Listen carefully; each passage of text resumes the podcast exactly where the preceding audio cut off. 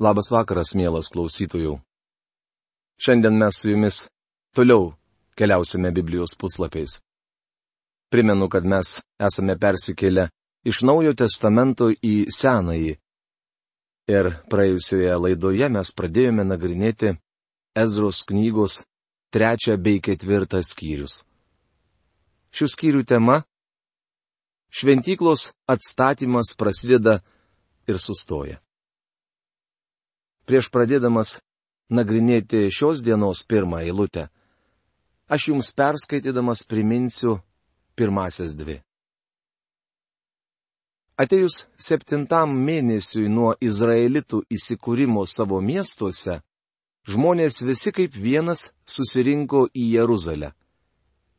Tada Jehocadoko sūnus Jozuė draugė su broliais kunigais ir šaltielio sūnus Zerubabelis su savo broliais, ėmėsi atstatyti Izraelio Dievo aukurą, norėdamas atnašauti ant jo deginamasias aukas, kaip įsakyta Mozės Dievo vyro įstatymę. Ir šiandieninė eilutė. Jie atstatė aukurą ant jo pamatų, nepaisydami šalies žmonių baimės, ir ant jo atnašavo viešpačiui kas rytą ir kas vakarą deginamasias aukas. Ezros knygos trečios skyriaus trečia eilutė. Atstatytas aukuras buvo deginamųjų aukų aukuras. Jis, kaip jau pastebėjote, kalba apie Kristaus kryžių. Atnašaujama deginamoji auka liudyja apie Kristaus asmenį ir jo auką dėl mūsų. Būdamas bedėmės, Kristus paukojo save Dievui. Jis mirė vietoj nusidėjėlių. Aukodami šią auką, žydai tarsi sutiko Kristaus asmenį ir jo atperkančią mirtį. Šiandien tai yra tikinčiųjų susitikimo su Kristumi vieta. Kiekvienas tikintysis privalo suprasti, kad tie, kurie tiki, kad Kristus jų gelbėtojas, ir yra šventąją dvasia pakrikštyti į vieną kūną, tai yra bažnyčia, yra broliai. Mano brolis yra tas, su kuriuo aš galiu draugauti. Draugystė nepriklauso nuo žmogaus odos spalvos, jo socialinės padėties ar turto. Draugystėj visai nesvarbu, ar žmogus baptistas, metodistas, presbiterijonas, nazarietis, sėkmininkas ar Romos katalikas. Svarbu, ar jis tiki Jėzumi Kristumi. Jei žmogus Dievo vaikas, mes galime būti draugais. Tai nuostabu. Iš nelaisvės grįžę žmonės buvo nepaprastai vieningi. Tai turėtų charakterizuoti visus Dievo vaikus. Psalmių autorius kalba, žiūrėk, kaip gera ir malonu, kur broliai gyvena vienybėje. Užrašyta 133 psalmės pirmoje eilutėje. Grįžusieji buvo neturtingi ir nuolankų žmonės, todėl jie nesiekė ypatingų postų, o paprasčiausiai stengiasi paklusti dievų valiai. Mes gyvename amžių pabaigoje ir tuo džiaugiasi tie, kurie tikrai supranta laikus. Jis veda kukliuosius teisingų takų ir moko juos savo kelio, rašoma 25 psalmės 9 eilutėje. Mes turime būti kuklus. Savo bažnyčiose ir kitose organizacijose dažniausiai stengiamės padaryti ką nors didelio. Mano draugė, to visai nereikia. Svarbiausia yra susitikti su Jėzumi Kristumi taip, kaip tai darė grįžtantys izraelitai. Paskui jie šventė, kaip įsakyta, palapinių šventę ir kasdien atnašavo jos deginamasias aukas pagal įsaką, kiek nustatyta kiekvienai dienai. Po to jie atnašavo nuolatines šabų deginamasias aukas, jaunačių bei visų šventų viešpaties iškilmių atnašas ir kai tik buvo daromos geros valios atnašas viešpačiui. Ezros knygos trečios skyriaus ketvirta penkta eilutės. Šie žmonės grįžo prie Dievo žodžio. Jie atstatė aukurą ir pradėjo statyti šventyklos pamatus. Aštuntų metų po atvykimo prie Dievo namų Jeruzalėje antrą mėnesį Šaltėlio sūnus Zerubabelis, Jehocadoko sūnus Jozue ir jų broliai kunigai ir levitai drauge sugrįžusiais į Jeruzalę iš tremties, pradėjo darbus, paskirdami kai kuriuos iš levitų, 20 metų ir vyresnius, prižiūrėti viešpaties namų statybą. Taigi Jozuje ir jo sūnus bei broliai, Kadmielis ir jo sūnus, Binujas ir Hodavija, drauge su Henadado sūnumis, Levitais, jų sūnumis ir broliais, kartu ėmėsi vadovauti statantiems viešpaties namus. Mūrininkams padėjus viešpaties šventyklos pamatus, apsirengę savo drabužiais kunigai sustojo pagal Izraelio karaliaus nurodymus pašlovinti viešpaties trimitais, o levitai, Asafo sūnus, simbolais pagal Izraelio karaliaus Dovido nurodymus. Ezros knygos trečios skyriaus 80 eilutės. Šie žmonės ką tik pastatė aukurą ir padėjo šventyklos pamatus, tačiau jie tokie susijaudinę ir entuziastingi, tarsi visa šventykla jau būtų atstatyta. Jie dalyvavo pašventinimo tarnavime, šlovino ir gėdojo Dievui gyrių.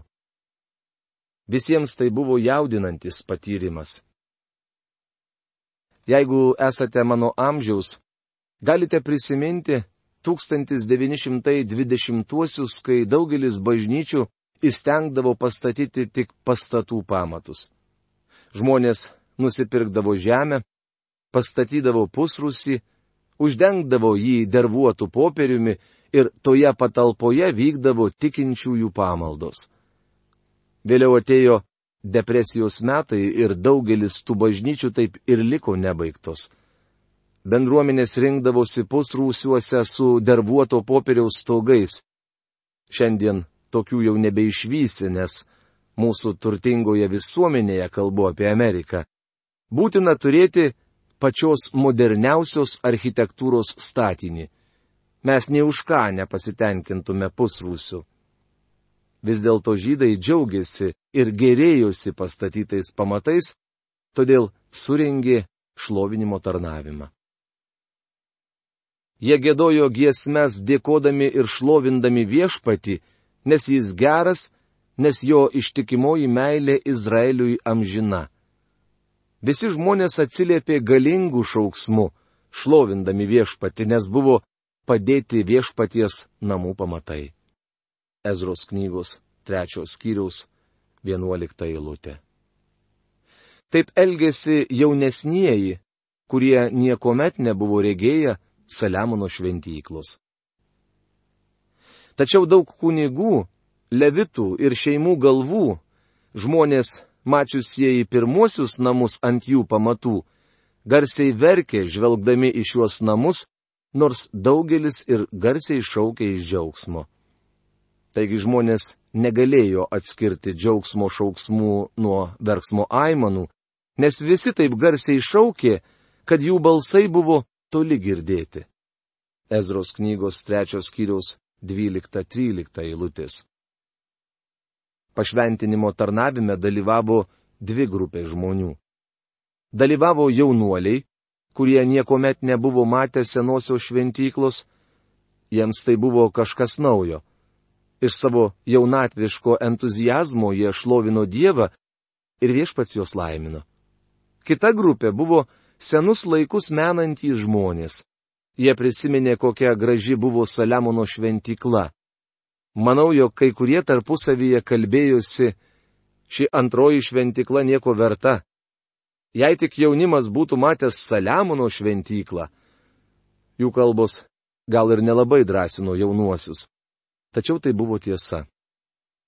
Viena iš problemų, kurią Dievas turėjo įveikti, buvo nusivylimas, kurį skleidė senųjų kalbos. Vėliau skaitome, kad pranašas Agėjas kalbėjo žmonėms. Viešpat sako, eikite ir statykite, Dievas su jumis. Pabaigoje jis nebuvo gražiojoje Saliamono šventykloje, šlovė iš jos pasitraukė, tačiau Dievas dabar yra su jumis. Eikite ir statykite. Šiandien yra daug senus laikus menančių žmonių, kurie trukdo Dievo darbui. Manau, jog viena iš priežasčių, kodėl dabartinis dvasinis judėjimas daugiausiai veikia už bažnyčios ribų yra tai, jog daugelis vyresnės karto žmonių tik prisimena praėjusias dienas, tačiau nie neketina gyventi dabartimi. Taip kyla pavojus teisti šių dienų dvasinį judėjimą. Pats pagaunu save kritikuojant į daugelį šios programos aspektų, nes esu daug matęs. Tačiau susilaikykime ir neteiskime. Palaukime tolesnių įvykių. Viešpats pažįsta savuosius, jis atskirs pelus nuo grūdų. Tai jo reikalas, ne mūsų. Svarbiausia, neraudokime ir nekritikuokime. Prisimenu, kai buvau seminarijos studentas, manęs paprašė pravesti keletą vasaros susirinkimų Džordžijos valstijoje. Tomis dienomis vesti susirinkimus buvo įprasta. Manęs paprašė pamokslauti ir aš sutikau. Nepaisant to, kas pamokslavo, viešpats išlėjo palaiminimą ir žmonės buvo išgelbėti iš nuodėmių. Niekuomet nepamirštų paskutinio susirinkimo. Kai kurie jauni bažnyčios tarnautojai džiaugiasi drauge su manimi tuo, kas vyko. Sėdėdamas mūsų klausėsi vienas gerokai vyresnis žmogus. Jis buvo su ilgomis žandinomis ir man atrodė tarsi tėvas laikas. Galiausiai jis pratarė. Šis susirinkimas buvo neblogas. Tačiau aš prisimenu, kai tuomet mes išgirdome viską apie kai. Jam išpasakojus visas praeities istorijas, mūsų susirinkimas jau nebetrodė toks šaunus. Jo pasakojimas atėmė drąsą ir tą vakarą mes išvykome šiek tiek prislėgti. Vėliau aš paklausiau kitos bažnyčios narės nuomonės, kuri buvo beveik tokio pat amžiaus kaip ir tėvas laikas, ir jie atsakė. Tas susirinkimas nebuvo toks jau puikus. Žinote, vyriškis suvaikėjo ir kuo labiau jis sensta, tuo minėtas susirinkimas jam atrodo geresnis. Artakserkso laiškas sutrukdo atstatymui. Pasipriešinimas atstatymo programai kilo ne iš vidaus, bet iš išorės. Tai aprašyta gana smulkiai, todėl aš negaišiu daug laiko, tik trumpai paminėsiu įvykius. Išgirdę, kad sugrįžę tremtiniai stato viešpačiui Izraelio dievų šventyklą, Judo ir Benjamino priešai kreipėsi į Zerubabelį ir kilčių galvas sakydami. Statykime su jumis, nes ir mes garbiname jūsų Dievą ir atnašavome jam aukas nuo čia mus atkėlusio Asirijos karaliaus Asargadono dienų. Ezros knygos ketvirtos kiriaus pirma, antra eilutės. Šiek tiek vėliau atkreipsiu jūsų dėmesį į tai, jog ne dvi giminės grįžo į savo šalį - Judas ir Benjaminas, bet visos dvylika. Judo ir Benjamino priešai tvirtina, kad jie gyvena pažadėtoje žemėje nuo Asirijos karaliaus Asarhadono dienų. Pamenate, būtent Asirija į nelaisvę paėmė šiaurinės giminės. Akivaizdu, jog kai kurie šių žmonių prasigavo atgal į savo žemę ir susimaišė su samariečiais. Todėl jie ir siekė susijungti su grįžusiaisiais iš Babilono. Pirmasis priešų mėginimas sutrukdyti šventyklos atstatymui buvo pasiūlymas tapti sąjungininkais. Šėtonas visuomet subtiliai veikdavo per liberalų į bažnyčios sparną. Liberalizmas suskaldė bažnyčią, o po to pareiškė, jūs fundamentalistai nuolatos kovojate. Prisijunkite prie mūsų kadangi mes prie jų nesijungėme, jie vadina mus ramybės drumstėjais. Liberalizmas suskaldė bažnyčią pačioje pradžioje, o dabar siekia, kad mes sugrįžtume ir laikytumėmės jų sąlygų. Judo ir Benjamino priešininkai kalbėjo. Mes čia visą laiką garbinome Dievą, o jūs ką tik sugrįžote. Leiskite mums prisijungti prie jūsų ir garbinsime jį drauge. Iš pirmo žvilgsnio atrodo, kad tai labai gražus pasiūlymas. Tačiau vėliau pamatysime, kad žodžiai nebuvo nuoširdus. Bet Zerubabelis, Jozuje ir kiti Izraelio kilčių galbos atsakė jiems. Negali būti nie kalbos, kad jūs su mumis statytumėte namus mūsų Dievui. Mes vieni statysime juos viešpačiui, Izraelio Dievui, kaip Persijos karalius Kyras yra mums įsakęs. Ezros knygos ketvirtos skyriaus trečia eilutė. Izraelio kilčių galvos nebuvo labai draugiškos, ar ne? Jie visiškai atmetė priešų pasiūlymą tapti sąjungininkais. Izraelitai regis netrupučio nesidomėjo ekumeniniu judėjimu. Atrodo, kad jie net elgėsi įžuliai. Tačiau įdomiausia, kad jie buvo teisūs. Kaip psichologinis požiūris prieštarauja tam, ką kalba Biblija, Dievo vaikui šventasis raštas privalo būti aukščiausių autoritetu. Užtat šalies žmonės ėmė kenkti judo žmonių ryštui ir stengiasi atbaidyti juos nuo statybos. Jie papirko ir pareigūnus, niekais versdami jų užmojį per visą Persijos karaliaus skyro gyvenimą iki pat Persijos karaliaus Darijaus viešpatavimo. Ezros knygos ketvirtos skyriaus ketvirta penkta eilutės. Taigi matome, kad jie buvo priešai, o ne draugai. Kai tik jų pasiūlymas buvo atmestas, jie pradėjo aktyviai priešintis. O Artakserkso dienomis Bišlamas, Mitredatas, Tabeelis ir kiti bendražygiai rašė Persijos karaliui Artakserksui. Laiškas buvo rašytas aramėjų kalba ir rašmenimis. Ezros knygos ketvirtos skyriaus septinta eilutė.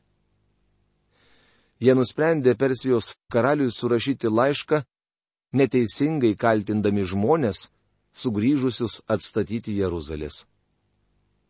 Štai jų pasiūsto laiško nuorašas.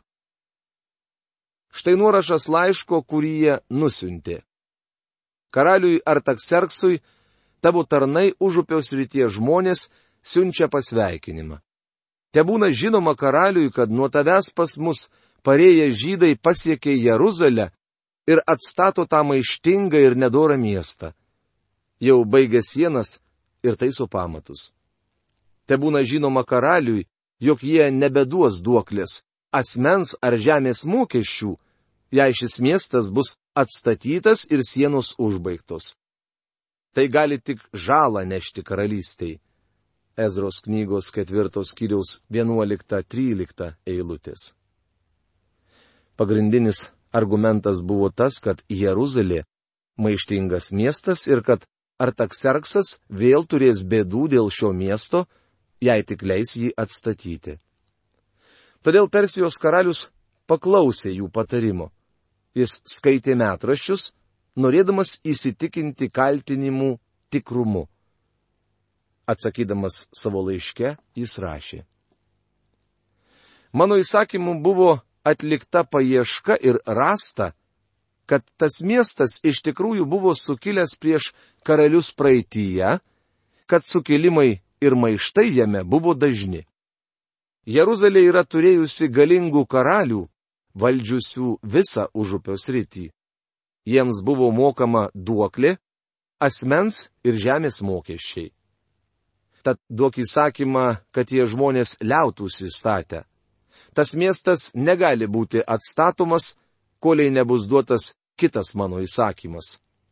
Be to rūpinkitės šiame reikale būti apdairus, antrai bus daug nuostolio ir žalos karalystiai. Ezros knygos ketvirtos kiriaus 19-22 eilutės. Kai šis laiškas atkeliauja iš Persijos karaliaus, taip vadinami draugai, kurie norėjo bendradarbiauti, skubiai laišką pristato į statybos vietą. Vos perskaičius karaliaus Artakserkso laiško nuorašą Rehumo, raštininko Šimšajo ir jų bendražygių akivaizdoje, jie nuskubėjo į Jeruzalę pažydus ir ginklais sustabdė darbą. Tuomet Dievo namų statybos darbai sustojo ir liko nutraukti iki antrų Persijos karaliaus Darijaus valdymo metų. Ezros knygos ketvirtos kiriaus 23-24 eilutės. Žmonės buvo priversti nutraukti statybos darbus. Taigi, tokia žinia šiandien. Iki susitikimo kitose mūsų laidose. Sudė.